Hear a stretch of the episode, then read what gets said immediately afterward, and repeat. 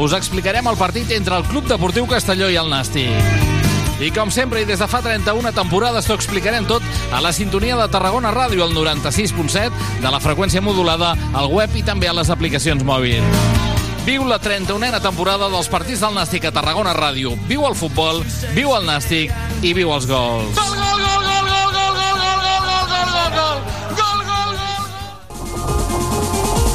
Tarragona estrena Cine Estrelles, un nou cicle de cinema a la fresca amb dos nous espais, el Parc del Francolí i la zona de gespa de l'Anella Mediterrània. Del 25 de juliol al 13 d'agost, dimarts i diumenges, tens una cita a partir de les 10 de la nit i amb entrada gratuïta. Los tipos malos, Top Gun Maverick, Escape Room, Coda, Padre No hay más que uno 3 i històries para no contar. Organitza Departament de Cultura de l'Ajuntament de Tarragona amb la col·laboració del Patronat d'Esports. Agafa tota la família i vine a la fresca. Vine al cine. Cine Estrelles. Aquest estiu tenim un pla. Et proposem que ens acompanyis cada matí. A canvi, t'apropem el territori. Et descobrim artistes quilòmetre zero. I els millors projectes de proximitat. Compartim receptes. I secrets gastronòmics. Fem estiu amb els protagonistes de la jornada. Perseguim plegats l'actualitat. I totes les tendències. Amb un ull posat a la platja. I també a la muntanya i a la piscina. Aquest estiu, obert per vacances. Obert per vacances. Cada matí, de 9 a 11, a la teva ràdio local.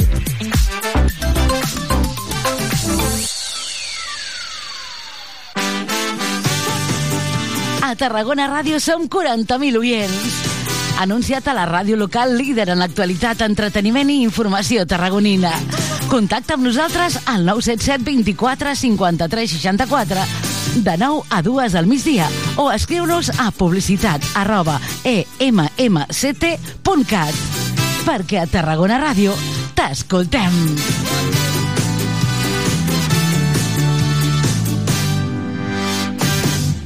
Si pateixes o veus alguna agressió, pots dirigir-te al CIAT. CIAT és el Servei d'Informació i Atenció a les Dones, un espai d'orientació i assessorament per a qualsevol aspecte de la vida de les dones. Truca al 977 296 279. Envia'ns un correu a ciat arroba tarragona.cat o demana cita prèvia per visita personal. Ajuntament de Tarragona.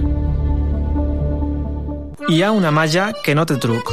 És la màgia de compartir una estona amb algú i parlar-hi. Vols practicar català? Vols ajudar algú a parlar-lo? Apunta't al voluntariat per la llengua.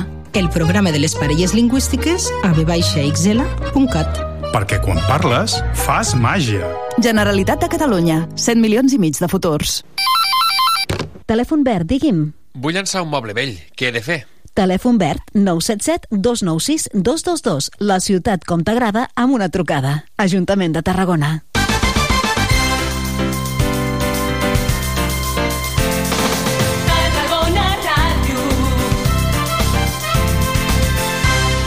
Bon dia, són les 11 i 3. Benvinguts al Mercat d'Estiu.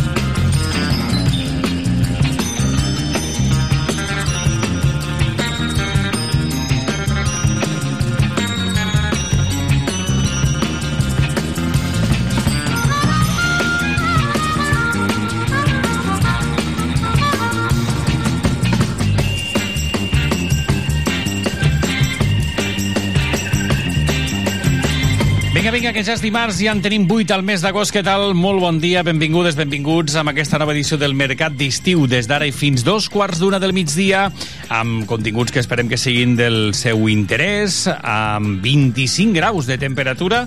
A l'exterior dels nostres estudis sembla que aquestes nits en les que es podia dormir bé s'aniran acabant. I és que s'espera onada de calor de fet, eh, ja a partir d'avui les màximes aniran pujant, però sobretot de cara a dijous i divendres. Per tant, primer cap de setmana de Sant Magí amb calor i veurem si arriba aigua o no abans dels dies de la festa de Tarragona, del eh, copatró de Tarragona. De fet, avui en parlarem eh, de la festa, de l'aigua i d'altres continguts al mercat d'estiu, com dèiem, d'aquest dimarts en el que també estem pendents de la informació a través de les nostres xarxes socials i la nostra pàgina web i qualsevol cosa us explicarem també al programa. Avui, que s'han aixecat ja les restriccions d'accés als espais naturals, des d'aquesta mitjanit han quedat desactivats els nivells més alts del pla alfa a Catalunya, tot i que en algunes zones, a la qual ens incloem, continua activat el pla número 2, el nivell 2 d'aquest eh, pla. Com dèiem, l'actualitat que també doncs, esquitxa els continguts del programa i n'és protagonista sempre que fa falta. D'avui, dia 8 d'agost, amb aquest espai que fan possible tècnicament el Lluís Comes i qui us parla, el Miguel González. Mercat d'estiu. Entrevistes fresques i de quilòmetre zero a Tarragona Ràdio. Ahir es posaven en marxa les inscripcions eh, per les activitats aquàtiques que ofereix el Patronat Municipal d'Esports durant els mesos de tardor. De fet, ja han començat aquest eh, dilluns amb una primera fase fins al 13 d'agost, exclusiva per als abonats, i després una altra fase pel públic. D'aquestes i d'altres qüestions que afecten el patronat en volem parlar amb el director gerent del Patronat Municipal d'Esports de Tarragona, el Ramon Quadrat, a qui saludarem en uns minuts aquí a la sintonia de Tarragona Ràdio. I després el que farem és posar-hi també el punt d'estiu amb aquesta col·laboració mensual, mensual del Col·legi d'Administradors de Finques de Tarragona. Avui, el president del col·legi ens parlarà sobre problemes de convivència que tenen les comunitats a l'estiu quins són aquests problemes, quines són aquestes problemàtiques, les coneixerem avui. Fa uns dies que us expliquem també que la faixa d'honor a Sant Magí d'aquest 2023 recau en el casteller de la Colla Jove Josep eh, Pere Josep Núñez, i avui conegut com a Peret de Fava. Aquest històric casteller tarragoní de 76 anys ens acompanyarà avui al programa, li donarem l'enhorabona i també ens acompanyarà la Jordina Estopà, vocal de la Junta i responsable de Relacions Institucionals de la colla. I encara ens quedarà temps per parlar àmpliament amb els portants de l'aigua. I és que ja ho podem dir, Tarragona Ràdio serà aquest 2023 l'entitat convidada pels portants de l'aigua de Sant Magí amb aquesta baixada des de la Brufaganya que arriba en un any de sequera extrema, és sequera severa, amb una tradició molt arrelada enguany amb més simbolisme que mai. En parlarem amb eh, els coordinadors dels portants i que ens vindran a visitar també a partir de les 12. I més enllà, ja us anirem explicant després, però a partir de dos quarts d'una arribarà el tothom, avui parlant d'una cursa de solidaritat i d'addiccions. Després ens en donem, us en donem més detalls. Tot això, si us quedeu amb nosaltres fins dos quarts de dues del migdia, avui, que és dia 8 d'agost.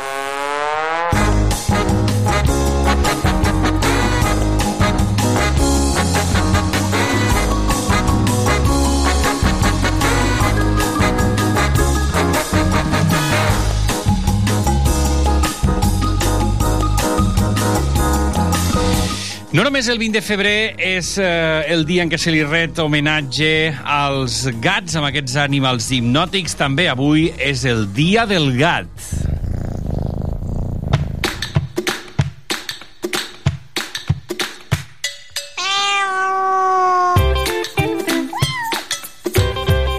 Em digueu que no és música de vídeos de gats, d'aquests que tant ens agrada veure a internet. Coincidint amb l'època de major fertilitat a l'hemisferi nord, en aquest cas és el Fons Internacional per al Benestar Animal qui va consolidar com a data al calendari aquest 8 d'agost, el Dia del Gat. Des de fa 13 anys se celebra també cada 8 d'agost el Dia Internacional de l'Orgasme Femení, una celebració que va néixer en un poblet brasiler anomenat Esperantina. I el 8 d'agost també es commemora el dia de l'enfasomielitis miàlgica severa, l'EMS, o també coneguda com a síndrome de la fatiga crònica, una data especial destinada a crear consciència sobre aquesta complexa malaltia que és debilitant, que afecta milions de persones de tot el món, i tot i que és poc eh, compresa i en gran manera en molts casos subestimada, la malaltia és una realitat que mereix l'atenció el suport i la solidaritat. És important destacar que és una malaltia real i física i no una manifestació de fatiga crònica o una condició psicològica. Els pacients amb aquesta malaltia experimenten limitacions significatives en la seva qualitat de vida i en molts casos es veuen obligats també a viure amb una disminució dràstica de la seva capacitat per fer activitats quotidianes. Doncs eh, vagi també la nostra abraçada i la nostra solidaritat també amb les persones que conviuen amb aquesta malaltia. Tal dia com avui de l'any 1961 neixia The Edge Davy Evans, guitarrista americà de la banda U2.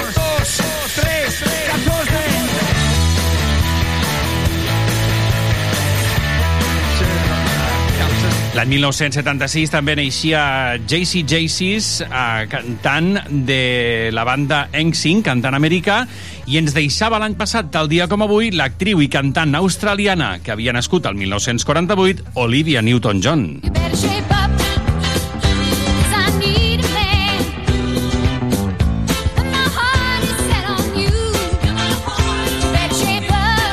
ja. I, de fet, aquesta nit també ens deixava William, Fre William Fredkin, director de L'Exorcista.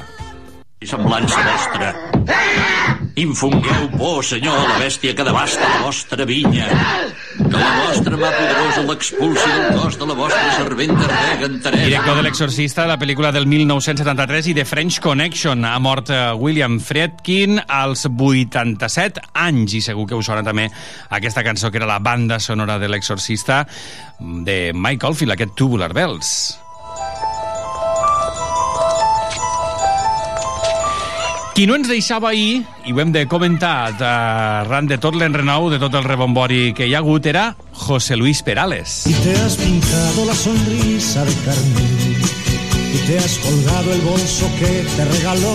I dic que no ens deixava perquè ahir diversos mitjans anunciaven la seva mort als 78 anys d'un infart. El cantant ho desmentia així des de Londres. Hola amigos, os hablo desde Londres un circo, un sitio maravilloso, un lugar precioso donde he pasado unos días con mis hijos y con mi mujer y que ya no estamos a punto de marcharnos, pero de repente nos encontramos con que alguien, pues de muy mala idea, eh, pues ha dicho que me he muerto. Doncs, i tan mala idea, i no s'ha mort, i de fet diu que està més viu que mai. José Luis Perales, als seus 78 anys, que simplement estava sopant a Londres i es va trobar, doncs això, amb que algú havia inventat la seva mort.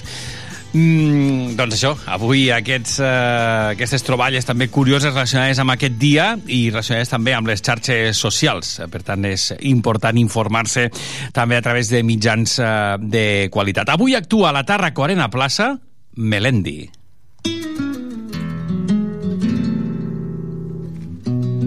Torna a Tarragona, per tant, Ramon Melendi aquesta mateixa nit, presentant el seu 11è àlbum a la plaça a l'antiga plaça de Braus, coincidint amb el desè aniversari de la Sant Miguel Tarraco Arena, l'artista asturià omplirà el recinte amb aquest nou disc Likes i Cicatrices. Des, de, des del 2001 i fins avui porta 11 àlbums gravats i de fet, doncs avui arriba a Tarragona protagonitzant aquesta gira Cerrando Cicatrices, que el porta a la ciutat sis anys després de la seva última vegada. Si voleu anar a veure'l, queden encara alguna entrada, això sí, a preus eh, que superen els 40 euros a partir de les 9 de la nit per anar a veure Melendi. I de fet amb ell comencem, perquè avui la música ens porta cap al 2003. Sonava aquesta cançó con la luna llena com a número 1 del 2003. Vas subirme a un tejado con cara de pena y tocarte una teta sin que me veas y hacer bien la maleta pa' quedarme en casa jugando un parche con la luna llena porque está y se está volviendo loca porque el sol ya no la mima porque el sol ya no la toca. Pero cuando se ponga buena ahí brillará en tu ventana morena pa decir con luz blanca y sincera que esta noche quiero morirme a tu vera. Porque te quiero como el mar quiere un pez que nada adentro dándole protegiéndolo del viento. Hoy, porque te quiero dibujar desnuda en el firmamento, para hacer todavía más bonito, más bonito el universo.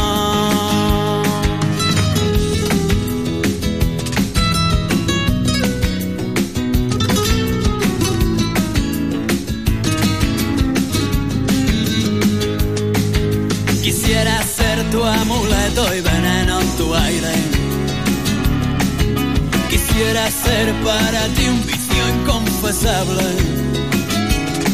Yo quisiera llegar hasta Marte, desnudo sobre tu cama. Quisiera volver a hechizarme en tu bruja mirada. Porque te quiero como el mar, quiera un pez que nada dentro, dándole de respirar,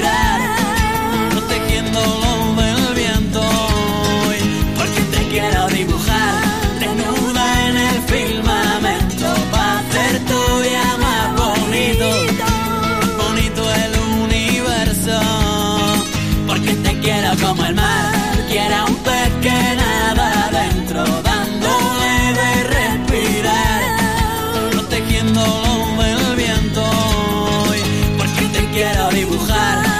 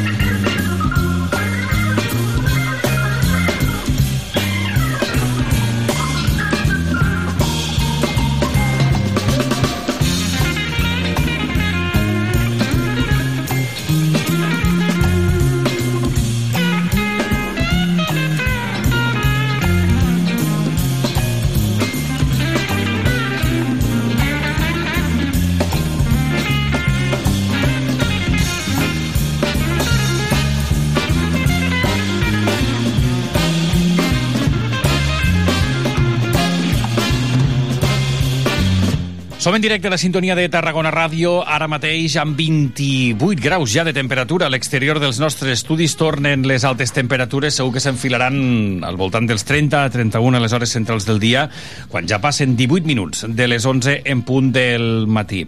Volem saludar al director gerent del Patronat Municipal d'Esports de Tarragona, el senyor Ramon Quadrat. Ramon Quadrat, molt bon dia. Molt bon dia. Moltíssimes gràcies per acompanyar-nos. Ahir començàveu ja les inscripcions a les activitats aquàtiques que ofereix el Patronat Municipal d'Esports durant els mesos de tardor. Evidentment, doncs, harem amb, amb el temps que, que ho requereix, que sembla que no, però la tardor ja la tenim, ja la tenim aquí, i per tant, doncs, ja comença tot aquest engranatge d'inscripcions. Com ha anat? Ha començat eh, amb normalitat, sense incidències? Sí, bueno, ara tenim aquella setmana on el període d'inscripcions és per és pels abonats i a partir d'aquí obrim una, un segon període del 17 al 23 d'agost on hi ha una preinscripció pels no abonats empadronats a Tarragona i a partir del 6 de setembre obrim aquest període aquest període obert per tothom de les places vacants que hi hagi bueno, seguim el, el calendari que fem cada any no? més que res que sempre intentem avançar el màxim possible aquestes inscripcions d'unes activitats que són eh, ja constants durant tot el, tot el calendari escolar de, de, de, del dia a dia de, del, dels nostres nens i el que volem amb aquest avançament és que d'aquesta manera puguem una mica planificar molt bé la nostra agenda escolar no? D'activitats extraescolars si no ens trobàvem de que després encaixar aquests dies d'activitat aquàtica o d'activitat física eh, quan un, un cop ja tinc tot tancada la meva activitat extraescolar era difícil difícil, per tant intentarem que facilitar el màxim possible que la gent pugui fer doncs, aquestes activitats esportives i a més a més la seva agenda extraescolar. Els abonats obtenen plaça directament, no? per això tenen exclusivitat per, per, per inscriure's fins al 13 d'agost i després arribarà el moment també del públic general o les persones que vulguin, que vulguin entrar-hi, no? Sí, fem aquestes tres fases, abonats, eh, eh, no abonats empadronats uh -huh. i a partir d'aquí obert per a tothom. Ja et dic, eh, sempre doncs, sota aquest criteri de donar avantatge o facilitat amb, aquella, amb aquells usuaris que estan durant tot l'any doncs, utilitzant i fent i fent ús de les instal·lacions esportives, però a partir d'aquí doncs, tothom té aquesta capacitat. Penseu que al final nosaltres estem oferint més de 140 cursos eh, durant la setmana, és a dir, que entre les diferents piscines doncs tenim molta, molta, molta eh, possibilitat d'intentar arribar al màxim possible a totes les necessitats de la gent que vol fer activitat aquàtica a les nostres instal·lacions.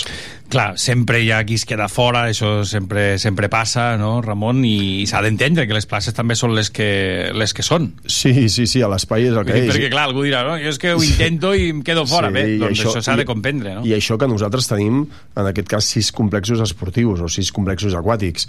No, no en tenim només un. El que passa que també nosaltres vam guanyar molt amb el programa aquest que fem els de matins amb horari escolar del Juguem a Nedar. És a dir, on tenim en aquests moments 17, any- 17 escoles inscrites que donem cabuda a 525 infants que venen amb horari escolar a fer la pràctica d'esport. Nanos, nens i nenes de P5 o de primer, de primària. Per tant, també dintre d'aquestes 140 activitats que, que et comentava, també hauríem d'incloure doncs, totes aquestes activitats que fem dintre de l'horari de l'horari escolar. Les eh, inscripcions les formalitzem a través d'esports.tarragona.cat si hi ha algun problema també presencialment no? a, Exacte. a les instal·lacions esportives municipals activitats per, aquàtiques i cursos de natació per totes les edats Sí, sí, sí, això és important. És a dir, des dels més menuts fins als més grans. El que volem és una cabuda i, sobretot, a nivells i intensitats que realment la gent ho necessiti. Amb els més infants, si us en recordeu, nosaltres ja vam, ja vam, eh, ja vam in, instaurar eh, l'any passat amb el que seria el, els cursos de, a, a nivell de les diferents eh, eh, com es diuen les diferents, els diferents eh, del seguici, els Elements. diferents elements del Sí. seguici, gràcies, com la víbria, l'àliga, etc etc. segons el nivell no? Exacte, segons la... segons el nivell doncs és, és en aquest un, un element de, del seguici i això ens ha permès també que els nanos s'hi vegin molt més reflectits amb les activitats que hi han i sobretot quina és la progressió a la que volen, a la que volen arribar Clar, jo anava a la Bíblia, ara vaig al bou, l'any que ve Exacte. arribaré a de la Exacte. mulassa, m'invento, eh, que no sé Exacte. sí, sí, sí. dels però, nivells, però és així. Però aquesta, aquesta és la intenció i cada vegada anem millorant. I en, en breu també presentarem un programa informàtic que hem, hem generat des del propi patronat perquè d'aquesta manera aquest seguiment, aquesta comunicació amb els pares doncs encara sigui molt més directa i puguin tindre en tot moment la informació dels seus, dels seus infants. Fantàstic, així també anem millorant aquesta atenció i aquest accés eh, i el contacte tecnològic amb el, amb el patronat.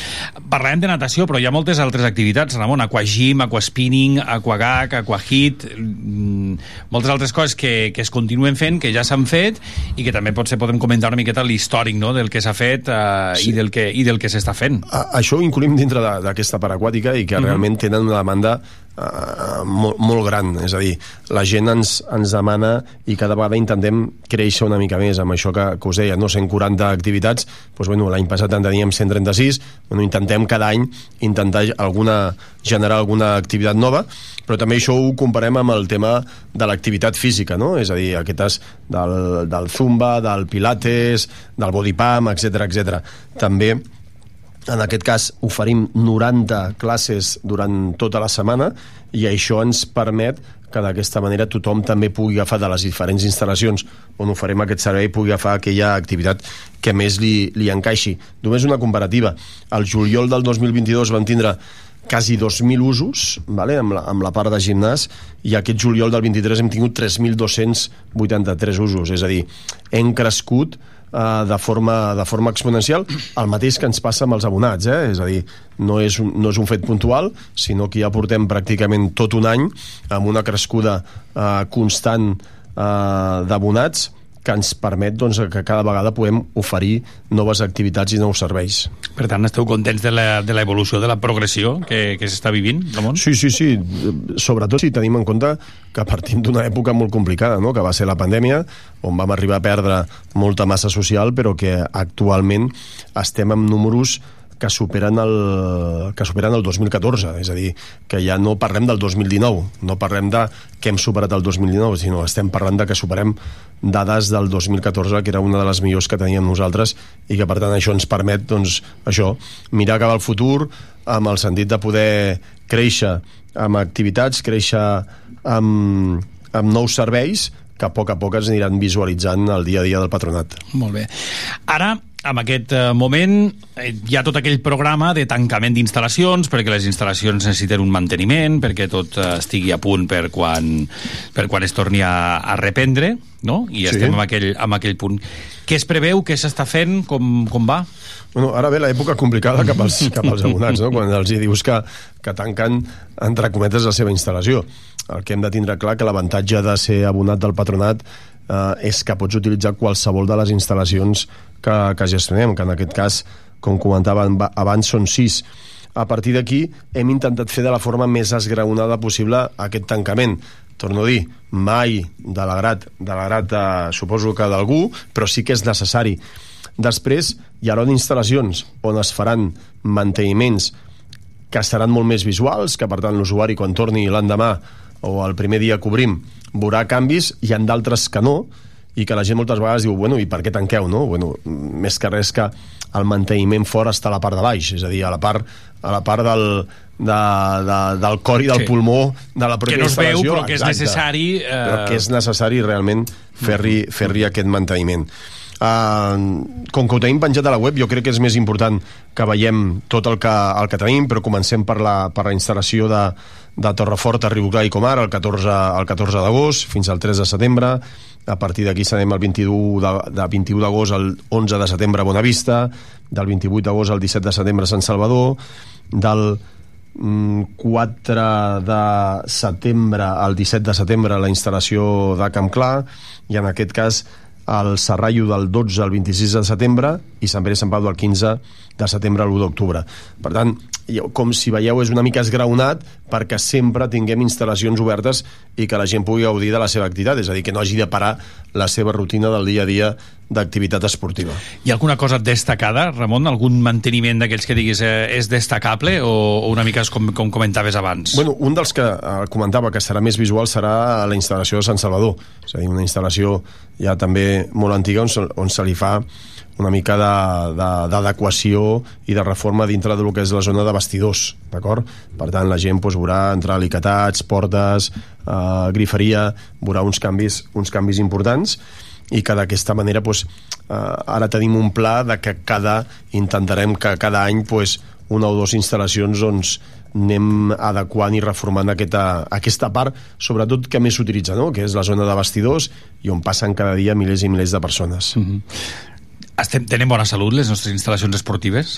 Sí, i a part eh, jo crec que... Cal... I, les cui, I les cuidem prou? Nosaltres, eh? Ja, bueno, també com a, com a usuaris? Això, això jo crec que aquí sempre hem de fer una crida, no? Que ens agradaria que fes molt que la gent ho cuidés molt més, que s'ho sentís seu. És a dir, jo, aquella reflexió de que això ho faria a casa meva? No, doncs, pues, bueno, al final això és com casa teva. I, per tant, hi han coses que jo crec que que ens costa. Intentem fer de, fer de pedagogia, eh? i sobretot a l'època d'estiu, on més problemes tenim amb nanos joves que ens venen i, i, i volen més esbarjo que no pas activitat esportiva, i bueno, intentem parlar, intentem uh, fer petites reunions on els intentem inculcar que això no hauria de ser d'aquesta manera.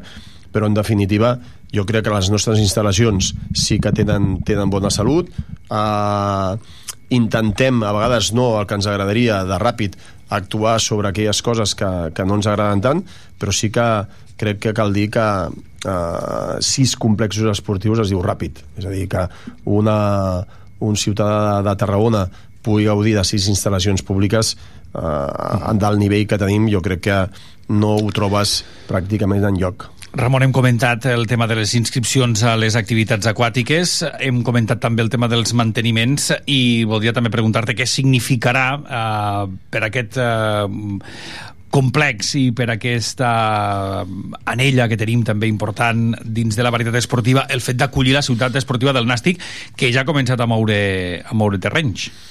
Bueno, jo crec que serà anar, anar ampliant aquesta activitat esportiva que cada dia genera dintre de, de l'anella mediterrània. Penseu que per l'anella passen pràcticament 2.000 esportistes cada dia en, en, temporada, en temporada normal.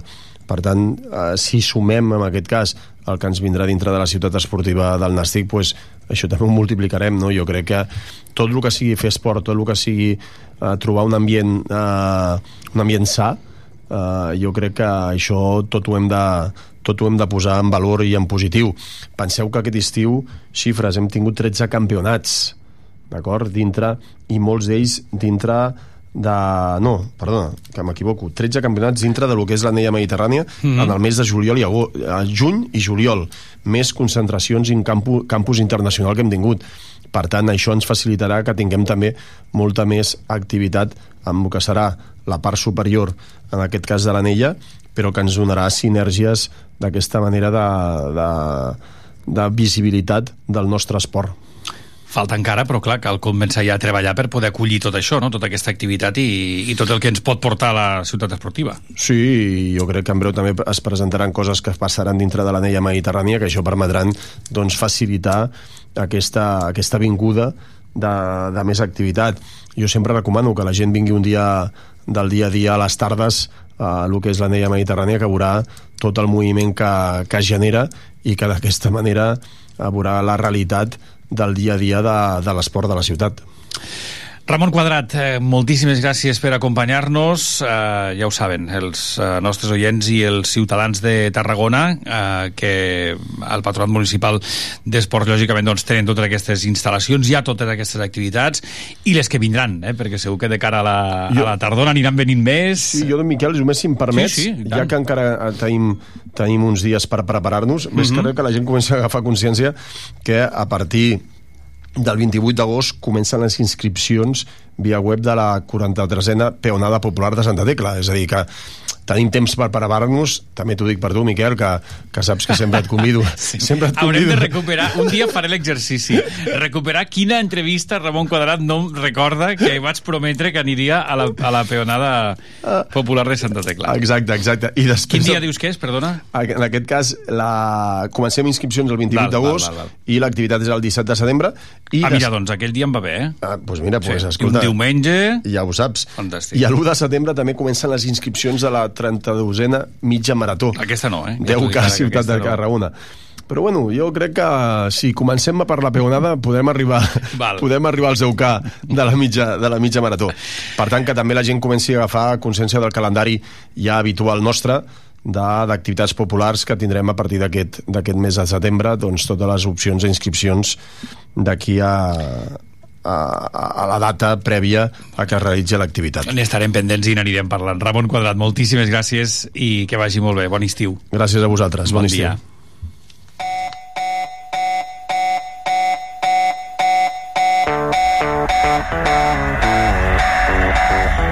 until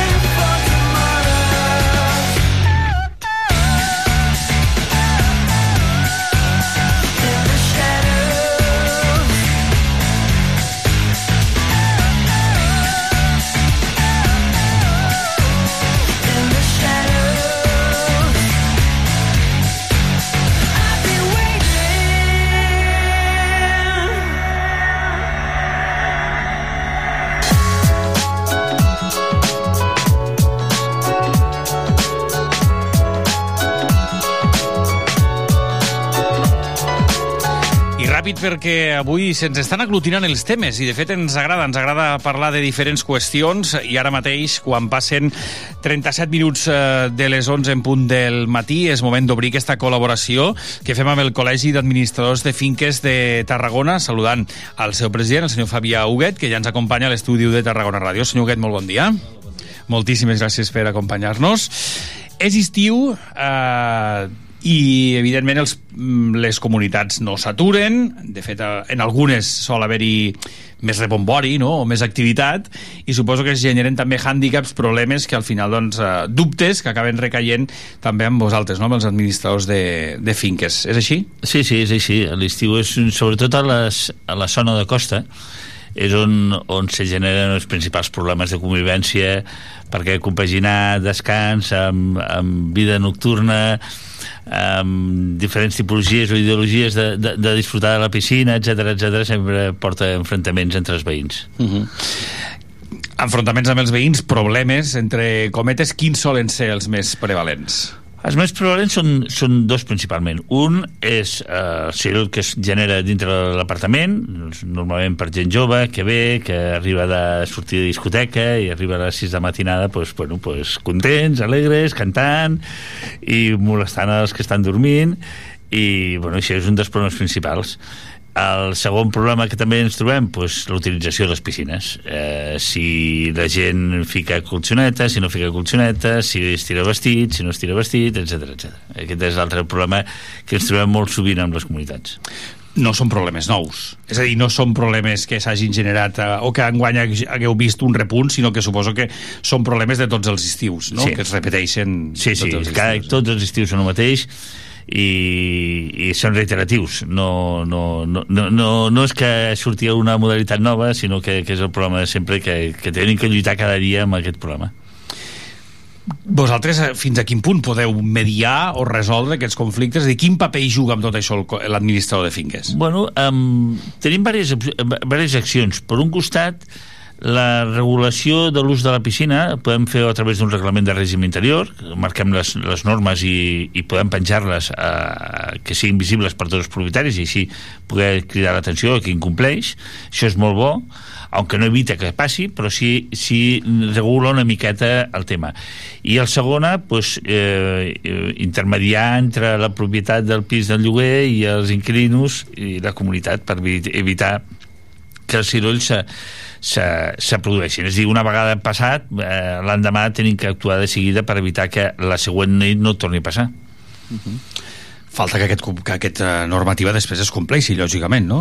I sí. suposo que se'n fa un seguiment també per part dels, dels propis eh, usuaris, dels propis... No? Amb qui recau això? El president de la comunitat, per exemple? No, o l'administrador? No, eh, és, és veritat que és difícil fer complir una norma sí, eh? a vegades, clar, perquè... de propietaris no tenim... I, I més pot ser en pisos doncs, que igual són, no sé, eh, augmenta l'ús turístic o són pisos eh, de temporada... Sí, sí no, no? al no tindre règim sancionador, ja. nosaltres no tenim eh, potestat per fer un règim sancionador i això és un problema, no? Però sí és cert que, que totes les mesures que prenguis eh, limiten o, o disminueixen el, el, el, els problemes. És a dir, si jo no tinc regulat l'ús de la piscina, doncs, lògicament tindré molts més problemes. Si tinc regulat amb cartells informatius, etc etc, segurament de 50 persones que anirien a incomplir 40 no ho faran. Hi haurà els 10 que sí que ho faran, però 40 no ho faran. I hem salvat una part molt important de, de, de, dels problemes que podríem generar. Eh, doncs és una mica això, no? intentar buscar les, les maneres o les formes que facin que, que la convivència i la comunitat sigui el millor possible uh, com, que no, com que no, hi ha un, no, no teniu la, la, la possibilitat o la, la, la potestat, no, diguéssim, per fer un règim, per, per crear un règim sancionador, l'alternativa o la, la, el consell és aquest, regular al màxim. Sí, regular al màxim i després ja vindrà com ho fem complir. Hi ha comunitats que ho tenen fàcil perquè tenen un, un socorrista a la piscina i llavors allí pues, ho farà, farà complir hi ha comunitats que fiquen vigilants de seguretat a les nits per fer complir vull dir, eh, hi ha mecanismes mm, per fer-ho eh, per fer complir. No totes les comunitats poden accedir a aquests, a, a aquests plusos perquè són econòmicament costosos, però, però moltes sí que poden accedir i, i ajuda moltíssim al compliment de les normes. A vegades amb un cartell, no?, a informar de les coses Sí, sí, és el que dic, eh, un cartell sembla una tonteria, però l'experiència ens ha demostrat que limit, eh, disminuïm eh, les, les, la, les accions no cíviques o, o incíviques, no? Mm -hmm. El cartell és, és dissuasori important. Mm -hmm. Algun altre problema que, que solgui que, que, que, que sigui més freqüent a l'estiu? Bueno, Alguna altra queixa? Eh, el, el problema de l'estiu també tenim a, les, a la zona de ciutat que els edificis queden molt sols, no? Llavors, aquí això també ens obliga a tindre un, un més cura del manteniment d'aquests edificis precisament perquè estan sols i tenir que tindre els serveis eh, perfectament funcionant i la seguretat de l'immoble, que també és important. Uh -huh la seguretat a l'estiu lògicament és, la, és també la, la, la preocupació de, dels administradors i dels propis usuaris no? Això Sí. són, són, són preocupacions que els hi van transmetent també a l'estiu Sí, no? ja tenim un problema d'ocupacions greu a aquesta zona i, bueno, i això eh, ens fa tindre més cura amb segons quins aspectes. Uh -huh.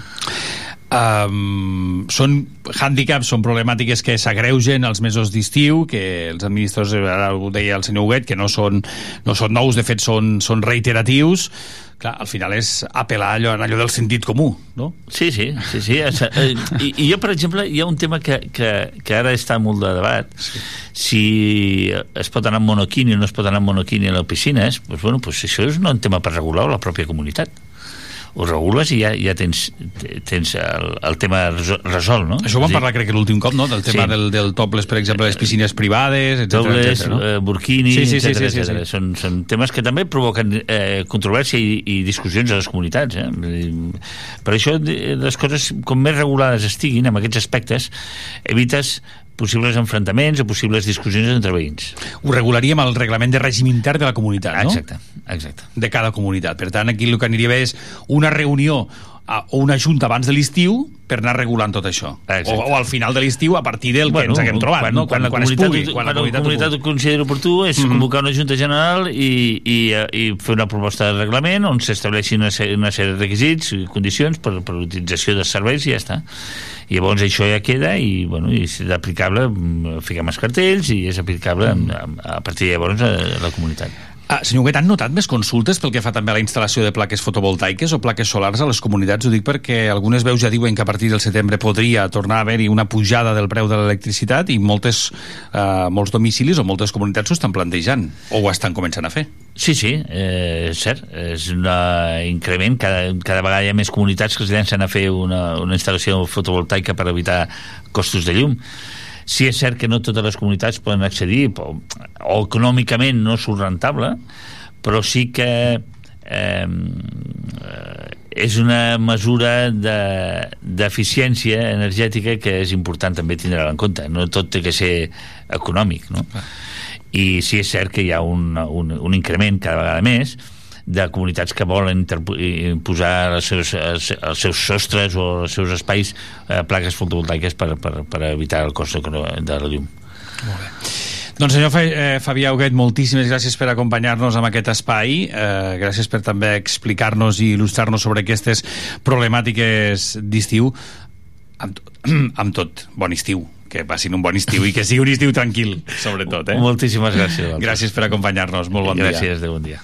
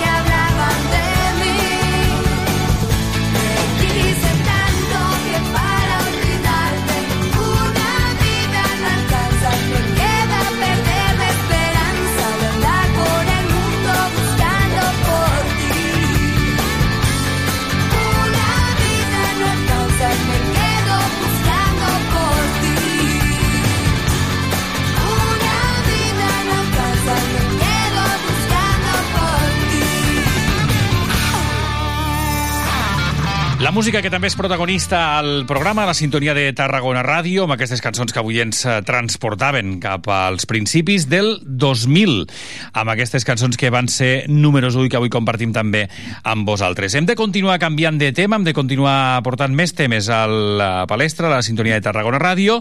Parlem ara d'un nom propi, el Feixer d'Honor de Sant Magí d'aquest 2023.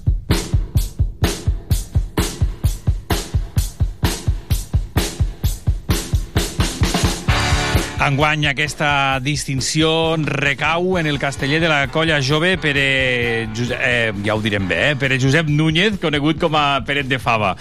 Peret, molt bon dia. Molt bon dia. Moltíssimes bon dia. gràcies per acompanyar-nos. Igualment. Històric casteller tarragoní, 76 anys, i sí. des de fa gairebé 4 dècades amb la camisa lila, que es diu aviat. Sí, sí. Content? Sí, content no, contentíssim.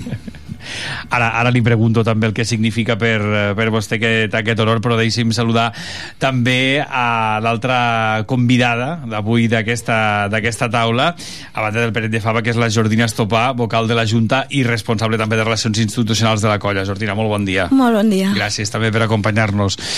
Deia el Pere que està content. Vosaltres com a colla, què? Contentíssims uh, és tot un plaer no? que, uh, poder eh, tenir algú com ell uh, sent feixer d'honor aquest, aquest 2023 Què significa per vostè ser feixer d'honor? Eh, una alegria molt gran i és un ple, és un ple és, no es pot explicar el que jo sento dintre de mi perquè és molt important Gairebé que s'emociona i tot, eh? Sí, sí, la, la veritat és que sí. M'acosta poc, eh? És el segon membre de la, de la jove rebre aquesta distinció, eh, Jordina, després de Ferran Ventura. Sí, uh, cada any és una colla diferent qui té no, l'honor de tenir un feixe d'honor. El primer de la nostra entitat va ser el Ferran Ventura, també històric casteller, cap de colla, també històric de la jove, i enguany uh, vam, vam posar sobre la taula el nom del Paret de Fava, també per la seva trajectòria, per l'estima a la colla i la implicació durant tots aquests anys. La trajectòria del Peret de Fava es remunta a l'any 1985, que això és fa 38 anys 38, gairebé. Com, com comença tot? Per què, per què li crida l'atenció el món dels castells? Com si... Què, què en recorda, Pere? Si t'he de dir la veritat, els castells no havia, no havia vist mai cap.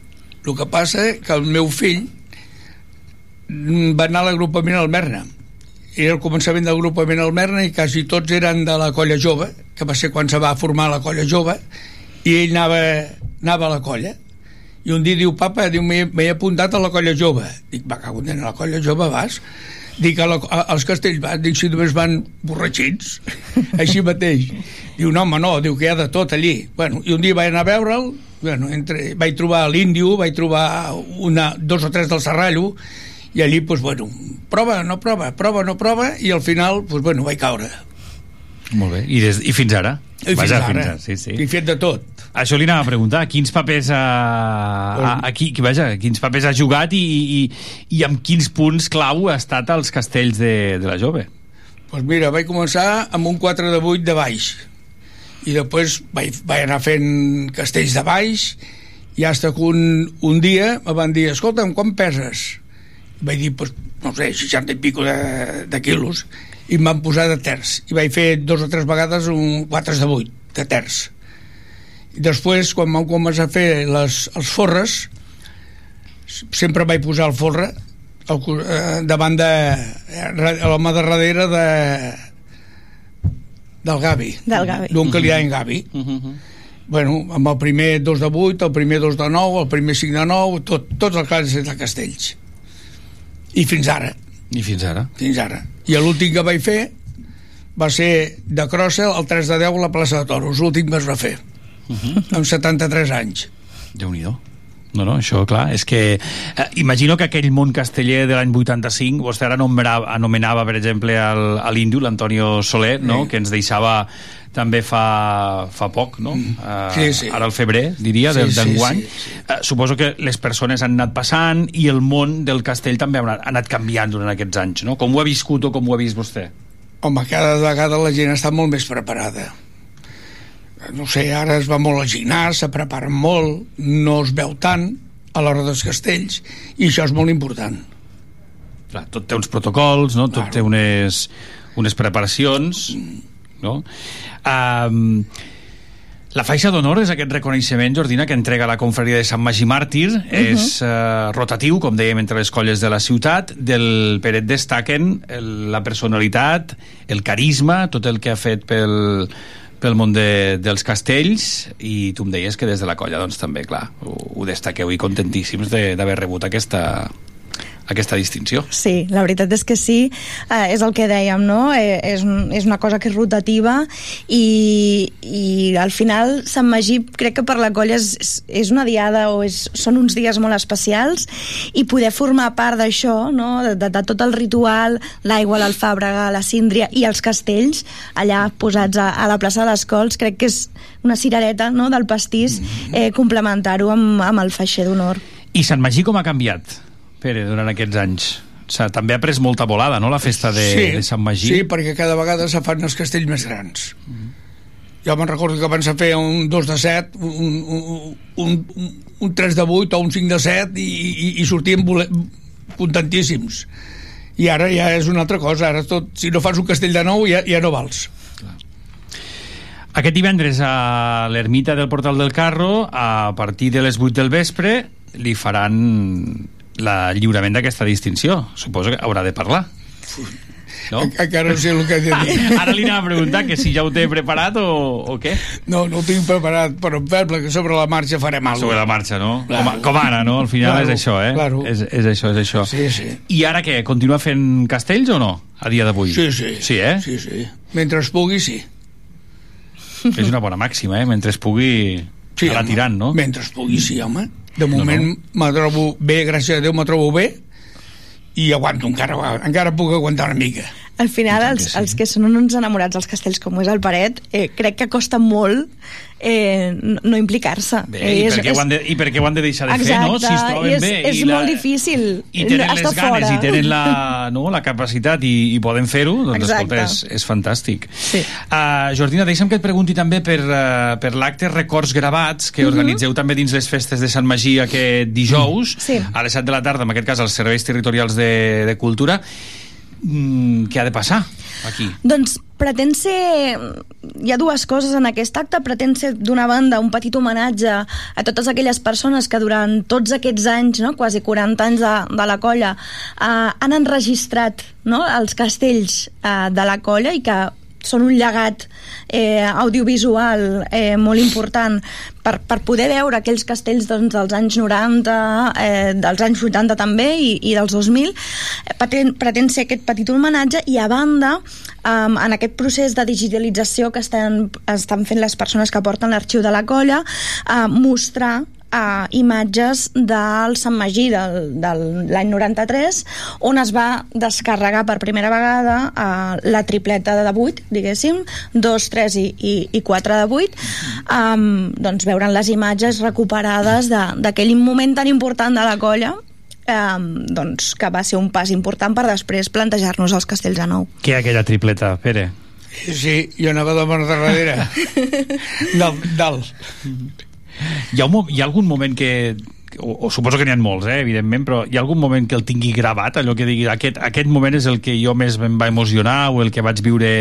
Aquests dies segur que li preguntaran també per, per moments retrospectius de, dels seus anys a la colla. Jo, tots els, tots els moments que han sigut importants, m'he emocionat. Sóc un paio que m'e- m'emociono molt aviat. I això està molt bé, eh? Sí. Això està molt bé. Ho sento, ho sento Això molt. està molt bé. Ho sento Així ha de molt. ser. Els castells s'han de viure, sí. s'han de fer, s'han de carregar i s'han de sentir, també, eh, que, és, que és condició. Peret de Fava, moltíssimes gràcies. L'enhorabona una vegada més per, moltes aquesta, gràcies. per aquesta distinció. Gràcies per acompanyar-nos i per aquesta conversa i per molts anys de castells. Pues moltes gràcies i, i gràcies per tot. Jordina Estopà, gràcies també per acompanyar-nos. Que passeu també un bon Sant Magí, que teniu actes, no?, també a banda d'aquests Sí. records. Anireu fent cosetes, no? Sí, sí, Com aquest- arriba la colla? Bé, eh, tenim, eh, tenim diverses diades abans de, de Sant Magí i actes al voltant de, de, de les festes i amb moltes ganes de, de fer alguna coseta més a nivell casteller i després a nivell lúdic, doncs aquest dissabte, per exemple, fem un tardeig Mhm. amb els de vermut electrònic al Cos del Bou. Ho farem a més Cos del Bou, que aquest cap de, que ja dilluns arriben també festes de Sant. Roc, no? És, és Eh, aquesta combinació Això, això. de Sant Roc i Sant, Sant Roc Magí. i Sant Magí que es viu tan intensament a, a, la, a la zona Cos del Bou, com dèiem. Sí. En seguirem parlant eh, amb vosaltres i amb les altres colles també per veure tots aquests actes de Sant Magí. Perfecte, Pere gràcies. Jordina, moltíssimes gràcies. Gràcies, Que vagi igualment. molt bé. Bon dia. Adéu, bon dia. Ooh.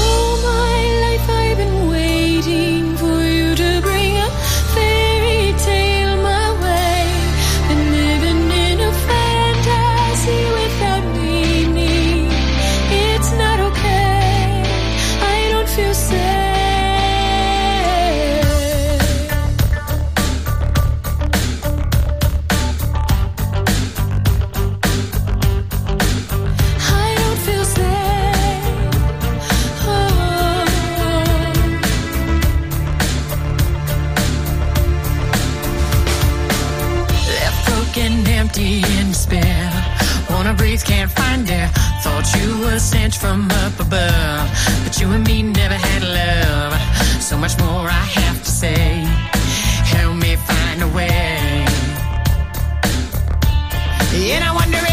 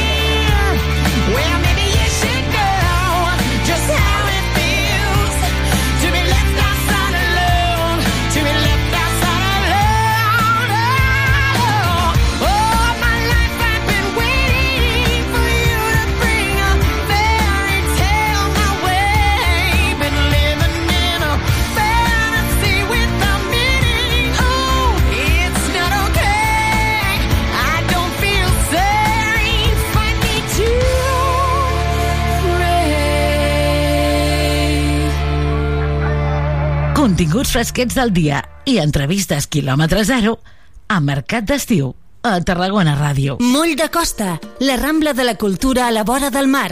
Vine i passeja per l'eix de la cultura, del lleure i de l'esport al Port de Tarragona. Hi trobaràs museus, exposicions, teatre, activitats, espais per passejar i fer esport. Completa la teva visita amb un tas de la gastronomia marinera del Serrallo. Més informació a porttarragona.cat. Una alimentació sana, exercici físic i una bona assegurança mèdica. A MGC Mútua millorem cobertures i serveis per oferir la millor assegurança mèdica segons els professionals de la salut. MGC Mútua. Inverteix en salut. Infórmate en el web mgc.es. Este verano, estés donde estés, encontrarás un supermercado Spar cerca de ti. Descubre todas las ofertas que tenemos preparadas para que disfrutes de los mejores precios. Encontrarás un gran surtido de productos frescos, helados, bebidas refrescantes, protección solar. Todos ellos de primeras marcas del mercado, además de nuestra marca propia, Spar. Ven a conocernos. En Spar te lo ponemos muy fácil. A Tarragona Ràdio som 40.000 oients. Anunciat a la ràdio local líder en l'actualitat, entreteniment i informació tarragonina. Contacta amb nosaltres al 977 24 53 64 de 9 a 2 al migdia o escriu-nos a publicitat arroba emmt.cat perquè a Tarragona Ràdio t'escoltem.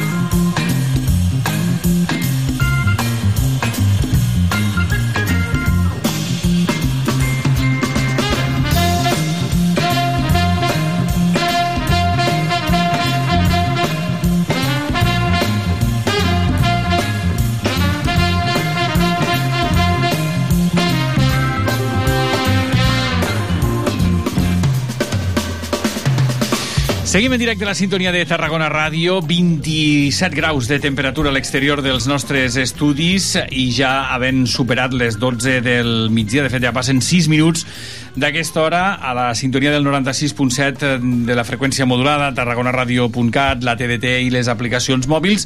És moment ara de parlar de Sant Magí, de parlar d'aquesta aigua de Sant Magí, que enguany doncs, eh, recupera, en certa manera, aquesta tradició i aquest simbolisme de, de, la, de la baixada de l'aigua i, de fet, bé, doncs, de tot el que, el que suposa.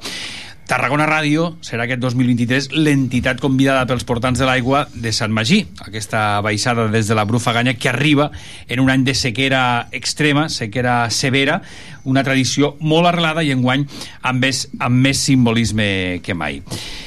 Sergi Baches, molt bon dia. Hola, molt bon dia. Joan Domènech, bon dia. Bon dia. Moltíssimes gràcies per acompanyar-nos. Com arriba enguany això, Sergi? Doncs bé, doncs arriba una mica amb aquesta, amb aquesta situació no, que comentaves d'extrema de, d'extrema sequera i arriba, eh, o va arribar primer amb una mica de por per part dels portants perquè, clar, només ens feien canviar eh, fotografies de les fonts de Sant Magí Lluny que no hi brollava l'aigua i clar, doncs bueno, ens va agafar una miqueta la por al cos a tots òbviament no deixava de ser una conseqüència doncs, de lo que està passant a, a nivell d'aquest canvi climàtic global no? en aquest sentit i amb aquests estius tan forts però bueno, aprofitant que a principis de juny es fa uh, la plec de les Roses que és, també és una trobada així maginiana allà al Santuari de la Brufaganya vam poder parlar amb un home que s'encarrega doncs, de la part de les fonts i tal, i allà vam veure que al costat de les fonts hi havia un pou val? que on sí encara hi havia aigua val? aquest pou és el que després eh, si arriba a un cert nivell l'aigua doncs surt pels brocs de les, de les fonts no? per tant doncs, bueno, va ser una alegria molt gran per tothom no? de dir, escolta, doncs sí, hi ha aigua no la veiem que ragi però realment es va filtrant i continua havent-hi aigua per tant, doncs, bueno, molt contents de que hi hagi aigua i molt contents de que arribi no? d'aquesta manera simbòlica fins i tot doncs, per, per apaivagar una miqueta aquesta set dels tarragonins Haurà d'anar el sant amb el gallato no? a fer brollar més aigua perquè clar, si no, però bé, la tenim garantida. Eh? La, la, la, la, el titular seria que l'aigua està garantida per, per aquest Sant Magí, no? Exacte, garantida del tot, garantida, sí, sí. Garantida, molt bé.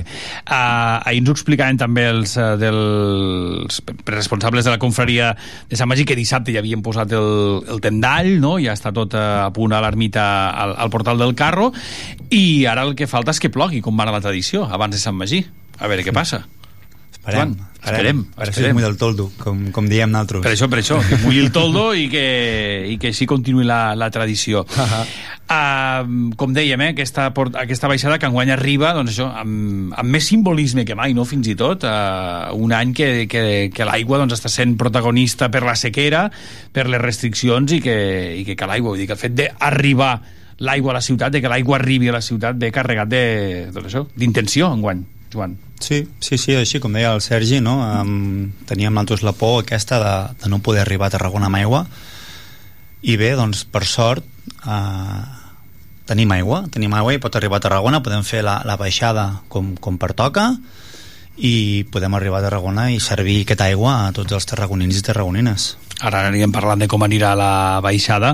Una altra de les informacions destacades, i que de fet avui ho hem anunciat també certament en exclusiva, és que Tarragona Ràdio serà aquest 23 l'entitat convidada pels portants de l'aigua de Sant Magí.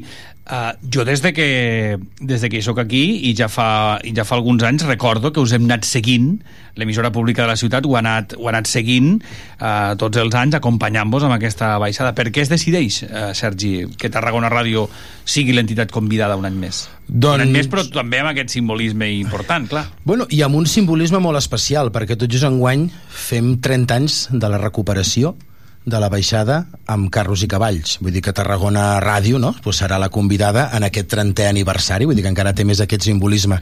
Doncs, bueno, una miqueta eh, vam tenir molt clar la, la, la Junta, no, diguéssim, per agrair el servei que Tarragona Ràdio ha anat fent, aquest servei de proximitat, eh, que la primera connexió es feia a Carol normalment, no? I De anava cobertura. fent... Exacte, que no hi havia gairebé cobertura. Sí, sí. Aquí falta, falta el company Josep Sunyer, que és qui us ha Exacte, seguit i és qui us ho exacte. explica. Mira, si ens està escoltant, que entri, eh, fa- faré una cosa així que entri, perquè, perquè ens ha d'explicar això tot el tema de la cobertura, eh? de la cobertura, de, de que on no hi ha cobertura i, i on sí, i, i ara, ara a veure si ve, a veure si ve, va. Ara Sí. li, li, li, li cridem a veure si ve.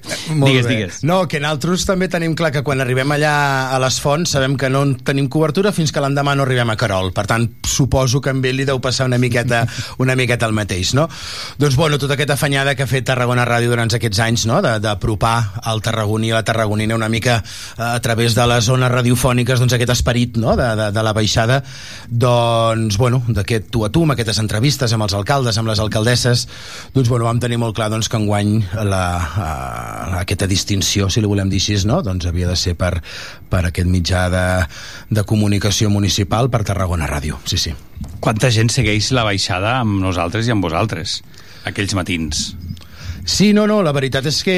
Vull dir que ho apropa, és, és també la nostra funció, però ho apropem a moltíssima gent, aquesta baixada. Sí, sí, Ja, perquè després et trobes gent per Tarragona que diu, sí, us he sentit aquest matí, sí, t'he sentit xerrar, sí, no sé què, i com que també per xarxes també aneu publicant cosetes, no?, i, i fotos i d'això, doncs, bueno, sí, sí, és una manera bona doncs d'anar seguint aquesta, aquesta baixada des de la distància, no? Sí, sí. I, i, i realment molta gent a Tarragona no coneixia el que és la baixada o no coneix de primera mà el que és la baixada però bueno, gràcies a això que diem no? a, les, a les connexions en directe o les xarxes socials es dona a conèixer una miqueta més tot el procés de lo que és baixar l'aigua des de Sant Magí Lluny fins a Tarragona que també haurà estat una, una activitat, una, una tradició que haurà anat evolucionant amb els anys, eh, Sergi? Aquesta baixada de l'aigua. Bueno, sí, o sigui, ja, ja, ja... l'essència la tenim sí, i, clar, i és... l'essència és la, la mateixa l'any l'any 92 i l'any 93 eh, es fa el que és l'entrada de l'aigua o sigui, des d'Ematsa fins a Tarragona només l'entrada i a partir de l'any 94 els portants de l'època, diguéssim, val? La, les famílies portants de l'època, doncs ja decideixen ampliar el recorregut i fer tota la baixada des de, des de Sant Magí lluny, no? Um, I sempre hi ha hagut, jo que sé, una relació molt estreta doncs, amb, amb la Societat Sant Antoni de Valls, que és qui ens, patroci... Ai, que és qui ens proporciona perdó, els carros i, i els cavalls. Sempre hem anat passant pels mateixos pobles, amb la qual per allà on passem ja ens esperen també, després de 30 anys doncs ja s'ha creat no? una miqueta aquesta tradició i aquesta ruta maginiana no? que ens agrada, ens agrada anomenar-ho nosaltres, però l'esperit ha estat el mateix, hi ha hagut potser alguns canvis de logística, abans per exemple recordo, no? recordàvem ahir també que l'arribar a Tarragona es posava sorra per, per fer les pujades, perquè els cavalls no rellisquessin, ara no es posa sorra sinó que doncs tenen unes com unes sabates de goma perquè ens entenguem, no? Uh, I que venen a ferrar-los allà a Ematsa. Bueno, s'han anat canviant cosetes, però en general la ruta ha estat la mateixa, les parades han estat la mateixa i aquesta essència no, no, no l'hem canviat perquè ja era bona. Clar, això no s'ha de, no de canviar i s'ha de i s'ha de mantenir. Uh, doncs, en fi, um, enguany explicarem també com és la nit a la Brufaganya i què passa també entre bambalines, no? És a dir, que ja em diu el Pep que es preparin. no, clar, perquè enguany ho viurem des de dins, no? una mica el recorregut i, i, i més des de dins que mai, jo crec, eh? aquests més de 60 quilòmetres Mhm. i com un dels portants més i ampliarem també la, la cobertura que de fet doncs, ens, ens, uh, nosaltres també uh, ens fa molta il·lusió uh, Mhm. seguir-vos i amb aquestes dues jornades una seixantena de quilòmetres entre la, entre la Brufaganya i, i Tarragona Vinga, com comença tot? Dimecres, no? Dia 16 Sergi, De- de- o Joan. Sí, sí, sí, expliqueu, expliqueu. Dimecres dia 16 a la tarda és quan, quan tirem per amunt, anem cap a, cap a Sant Magí. I allà, bueno, doncs allà és qüestió de mm, preparar-nos per la nit, muntar dormim en tendes de campanya, s'han de muntar, s'han de plantar eh, sopem també allà a les fonts per tant requereix un muntatge d'unes taules, una, unes llums abans de sopar fem una missa allà a les fonts mateix també doncs bueno, el primer dia d'això és arribar a Sant Magí el dia 16 de la nit i fer la missa, sopar i descansar una miqueta el que es pugui per l'endemà a les, a les 7 del matí començar a caminar Fons de la Brufaganya, Pontils, Bràfim, no, Sergi? El... Bueno, abans de, abans de, a, a Bràfim hi fem la parada el 17 a la nit, durant Mhm. el dia. Sí, sí, per això que- Exacte, de Pontils anem cap a, cap a, al pont, ai, cap al pont, cap a Santa cap a Santa Santa Perpètua. Perpètua del Gallà, de. Santa Perpètua anem cap a Carol, de Carol al pont, i llavors parem a Santes Creus on dinem, i per la tarda ja fem el recorregut aquest fins a, fins a Bràfim. No? A més, a Bràfim també eh, sempre hi ha hagut molt bona, molt bona col·laboració i molt bona entesa amb l'Ajuntament perquè ens deixen utilitzar les instal·lacions de la piscina per poder-nos dutxar, per poder-nos canviar, per poder-nos refrescar una miqueta al cap i a la fi, no?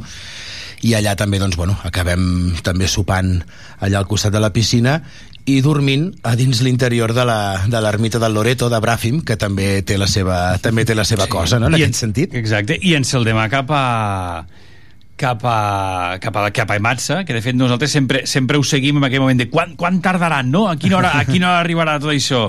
Uh, el segon dia ja ens porta cap a, cap a Nulles, no? Nulles, Argilaga, Argilaga. Pallaresos i fins a Matxa. Molt bé. Sí, sí, sí, fem el, el recorregut. El segon dia és, és, és més curtet, doncs per poder arribar al, al migdia a Tarragona, tenir temps de, de preparar-nos amb tota la indumentària de portant, les, les espardenyes, la, la seriana, i a la tarda poder fer la- l'entrada com, com toca a Tarragona.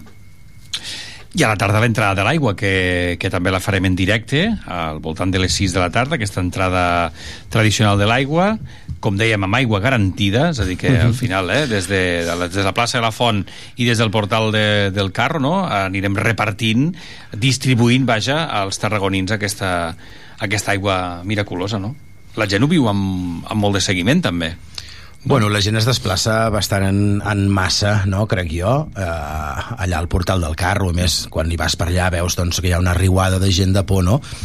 I, I recordo fins i tot ara amb el cap que els dos anys que no es va poder fer no, les festes tal com tocava, l'any 20, l'any 21, que a nivell de la cofradia i a nivell de, de portants es van fer diferents punts no, de repartiment d'aigua pels barris, pels diferents llocs de la ciutat. També va haver molt bones sinergies amb les quatre colles castelleres, que també es van oferir els seus locals per fer-ho doncs bueno, veies que hi havia molta gent que anava a buscar ja no només l'aigua als cantis, sinó mides o postaletes o les cintes o... Bueno, hi ha tot un, hi ha tota una tradició, no? perquè ha, aquesta tradició, la paraula tradició a vegades inclou la paraula fe o pot incloure la paraula folklore o la paraula cultura, no? I a mi la tradició m'agrada barrejar les dues tres, coses. clar. Exacte. Però sí, i continua sent a nivell de Tarragona, i tant, sí, sí. Per vosaltres, quin és el moment clau de tot això, Sergi? Per tu. I a nivell personal, eh? a, a mi a nivell personal m'agrada molt l'entrada a l'entrada a la plaça La Font val? quan venim de Portalet diguéssim i trenquem cap a l'esquerra cap a dins la plaça La Font perquè realment e- e- és quan veus tot el sentit que ha tingut les 48 hores anteriors que veus que hi ha molta gent allà amb avis i nens i nenes i pares, mares, famílies esperant doncs l'aigua o esperant els gegants o esperant els cavalls o esperant els carros no? però bueno, és quan jo crec que cobra sentit les 48 hores anteriors quan anem caminant por ahí o amb totes les vicissituds que hi puguin sorgir no? I tu Joan com ho vius? Doncs jo no et sabria dir un, un, un moment, un moment És el tot, exacte, eh? No? És, sí que és veritat el global. que... Sí, la, bueno, la, la primera nit mateix que sopem allà dalt és, és molt bonic, no? Al final, el que dèiem és un lloc on no hi ha cobertura, on te sopes unes bombetes que muntem naltros improvisades, com aquell que diu, i és un sopar molt tranquil a les fonts de Sant Magí, a més a més, allà mateix, i, i després ja sí que aquest moment, com diu el Sergi, d'entrada a Tarragona, com podria ser plaça La Font o, o com podria ser la pujada a la baixada de Peixateria, també és el moment aquest que molta gent espera, no? perquè és el moment on molts carreters decideixen pujar corrent amb el carro per, per, no, perdre, per no perdre força o el, el moment de, dels pilars caminant l'endemà, el dia de la processó. Molt bé. També és un moment molt maco que vivim des del portal del carro que, bueno, que és, és, és, és, és mira, de pell de gallina, com aquell La, que diu. la baixada de l'AIB, com dèiem, enguany doncs, compleix 30 anys, fa aquest aniversari. Tarragona Ràdio hi serà més present que mai com a entitat convidada, però teniu més actes també, perquè demà mateix ja, ja hi ha alguna coseta del programa de Sant Magí que protagonitzeu vosaltres, no, Sergi? Do- tot just aquesta tarda Avui, Aquesta- sí, d'acord, d'acord. aquesta mira, tarda... Visc, i no sé, allà el dia que visc. I Tot just aquesta tarda a les 7, allà al portal del carro, doncs, bueno, dins de- d'aquests actes de celebració, no?, d'aquest 30 aniversari que comentàvem, doncs s'ha fet un panó nou dels portants, val? Fa 5 anys ja vam canviar el logo i, per tant, el que hem volgut és actualitzar, doncs, el panó dels portants en si, no?, que encara sortíem amb el panó antic, amb el logo antic, mm -hmm. i hem dit, doncs, bueno, doncs, actualitzem-ho, no? I a part també s'aprofitarà, doncs, per presentar la restauració i l'actualització de les portadores, les portadores d'aigua, aquelles metàl·liques, no?, que van lligades als carros, que és amb les que es transporta, doncs, l'aigua des de Sant Magí lluny fins aquí. Doncs, bueno, hi ha hagut una mica de, de rentat de cara, un redisseny que al darrere hi ha, doncs, l'il·lustrador tarragoní l'Edu Polo, val? que des d'aquí, doncs, òbviament, moltes gràcies, Edu, per acceptar, doncs, la feina aquesta, i, bueno, i alguna sorpreseta més que hi haurà avui en forma de, en forma de canti. Una cosa que no fem mai, que és presentar el canti nou d'enguany.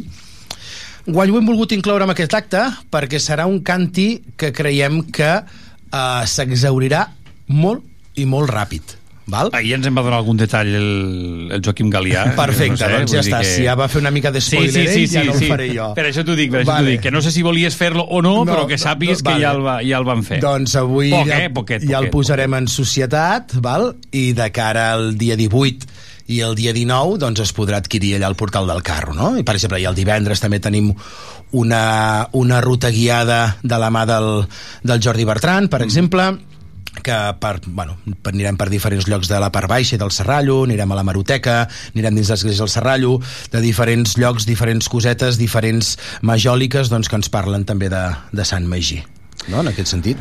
Molt bé, doncs nois, que us seguirem a vosaltres, a tota la comitiva, eh, la setmana vinent i, i també tots aquests dies. Gràcies una vegada més per, eh, doncs això, per, per aquesta distinció, en certa manera, no? per aquest reconeixement a Tarragona Ràdio. Us tornarem a acompanyar en guany i esperem que per molts anys més els portants de l'aigua de Sant Magí, amb aquesta baixada de l'aigua des de la Brufaganya, que arriba en aquest moment extrem eh, de sequera, amb aquest simbolisme, com dèiem, arreladíssim, i amb aquest aniversari també rodó de, dels 30 anys que, que abans comentàvem.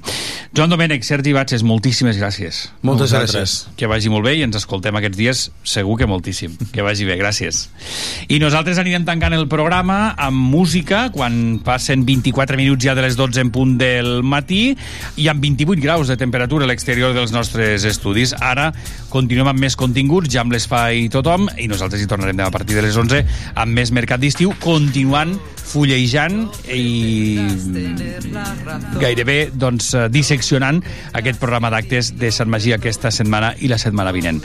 Fins eh, d'aquí una estona ens escoltem. No, no pretendas tener la razón. No me vengas pidiendo perdón. No me digas que ha sido un error. Que lo sientes, en fin. ¿De qué sirve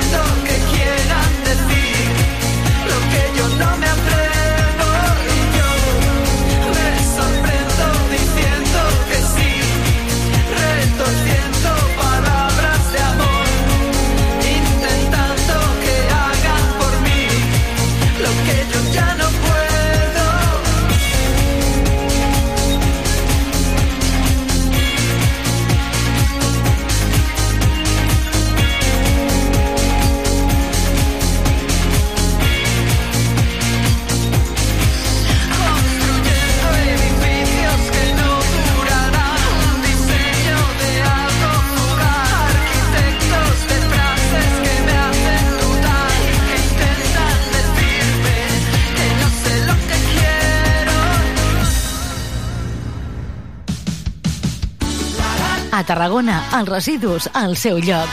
Utilitza la deixalleria. Recorda, els residus voluminosos no van a les deixalleries mòbils. Cal portar-los a la deixalleria fixa. O bé, te'ls passem a recollir si ens avises a través del telèfon verd o l'aplicació app. Més informació a www.tarragona.cat barra neteja. Ajuntament de Tarragona.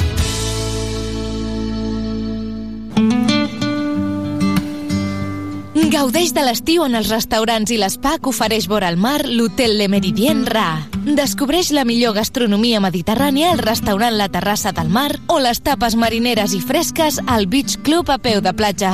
A més, relaxa cos i ment a l'Explore Spa de l'Hotel Le Meridien Ra del Passeig Marítim del Vendrell. Reserva trucant al 977 69 42 00 i viu l'estiu a l'Hotel Le Meridien Ra.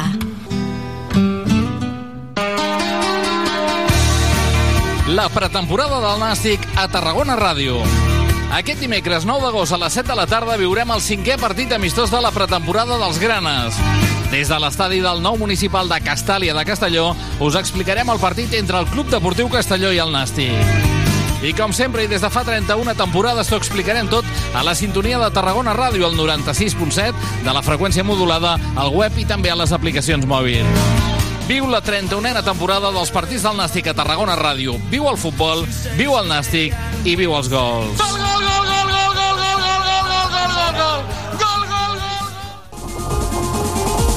Tarragona estrena Cine Estrelles, un nou cicle de cinema a la fresca en dos nous espais, el Parc del Francolí i la zona de gespa de l'Anella Mediterrània.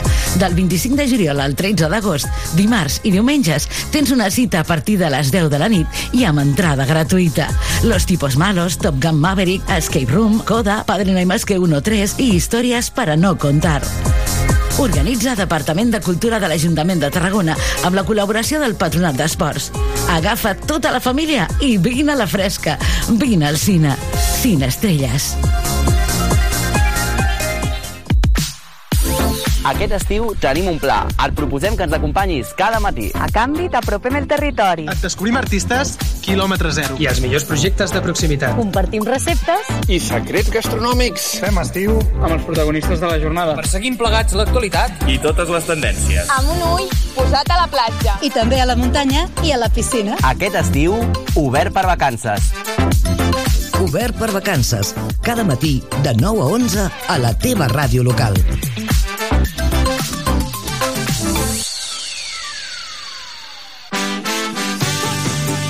A Tarragona Ràdio som 40.000 oients.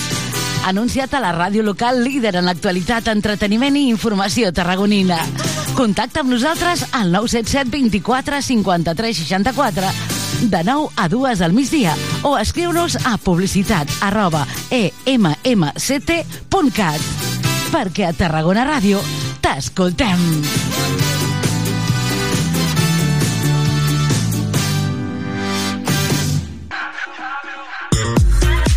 Subscriu-te al butlletí informatiu de Tarragona Ràdio. Només cal que entris a la nostra pàgina web tarragonaradio.cat i omplis la butlleta amb les teves dades bàsiques, nom, cognoms i correu electrònic. Cada setmana t'enviarem un mail amb les notícies i activitats més destacades de Tarragona. Subscriu-te al butlletí informatiu de Tarragona Ràdio. Et volem a la nostra xarxa. Cocodril Club. Si t'agrada la bona música dels anys 60, 70 i 80, escolta Tarragona Ràdio les tardes de dissabtes i les de diumenges de 4 a 6. És el temps del Cocodril Club. Tot un clàssic de la ràdio, amb les bases del pop-rock, les llegendes, les cançons que s'han convertit en autèntics himnes. Recorda't, a Tarragona Ràdio 96.7 FM... Cocodril Club, el programa revival de l'Albert Malla. Hasta luego, cocodrilo. No pasaste de caimán. Hasta luego, cocodrilo.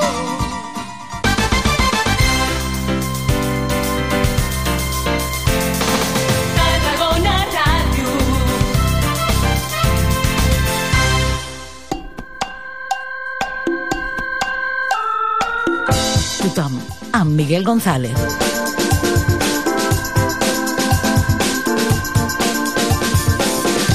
Continuem a la sintonia de Tarragona Ràdio amb aquest espai Tothom, l'edició número 735 a la sintonia de Tarragona Ràdio. Aquest espai que arriba dintre del matí d'aquest dia 8 d'agost del 2023. A la sintonia de Tarragona Ràdio, si ens escolteu a través del 96.7 de la freqüència modulada, gràcies per fer-ho, i també a través de la televisió digital terrestre, les aplicacions mòbils i la nostra pàgina web, tarragonaradio.cat. Una edició del Tothom que ens portarà avui a fer una travessa de gairebé 150 quilòmetres eh, pel Sàhara en només 4 dies. És el repte que en uns mesos afrontarà el tarragoní Xavi Moya i amb qui avui volem compartir aquest espai de ràdio. Un espai que lidera, com sempre, tècnicament el Lluís Comes i condueix qui us parla, el Miguel González. Comencem. Connecta amb el tothom. Segueix-nos a Facebook i a Twitter i recupera els nostres programes a la carta a tarragonaradio.cat. Xavi Moya, molt bon dia. Molt bon dia, Moltíssimes Miquel. gràcies per acompanyar-nos. No, a vosaltres per convidar-me. Un plaer compartir amb tu aquesta, aquesta entrevista i aquest repte, jo ara ho deia, és un repte esportiu, eh, també a nivell personal, però tot això va molt més enllà de l'esport, ara de seguida mm. ho, ho comentarem, perquè té una, doncs això, un, diverses, diverses visions i diverses disciplines per, per analitzar-ho. Anem, si et sembla, al principi.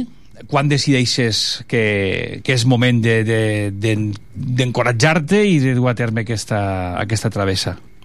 A veure, aquesta travessa a nivell esportiu no és potser el més espectacular que s'hagi fet, ni molt menys. Eh? Hi ha gent que esportivament fa, fa reptes molt més potents, el que passa és que això va englobat dins un procés de, de recuperació de l'addicció, que va començar fa set anys, jo pateixo la malaltia d'addicció, com tantíssima gent, i dins del procés de recuperació se'n va pautar al principi obligat i de mala gana la pràctica esportiva, com un, com un suport, com un reforç, per qüestions físiques i però sobretot per qüestions emocionals, mentals, de disciplina i per, en el meu cas hi ha altra gent que després doncs, manté un mínim d'esport per, per salut i en el meu cas s'ha convertit en una afició potent mm -hmm. i llavors doncs, any rere any he anat eh, doncs, dedicant-hi més temps i doncs, posant-te posant en forma i sentint-te bé i, i gaudint-ho Uh, doncs he anat ampliant horitzons fins al punt que un company del club on corro ara, Llibera Adrenalina, Molt bé. el, el Jesús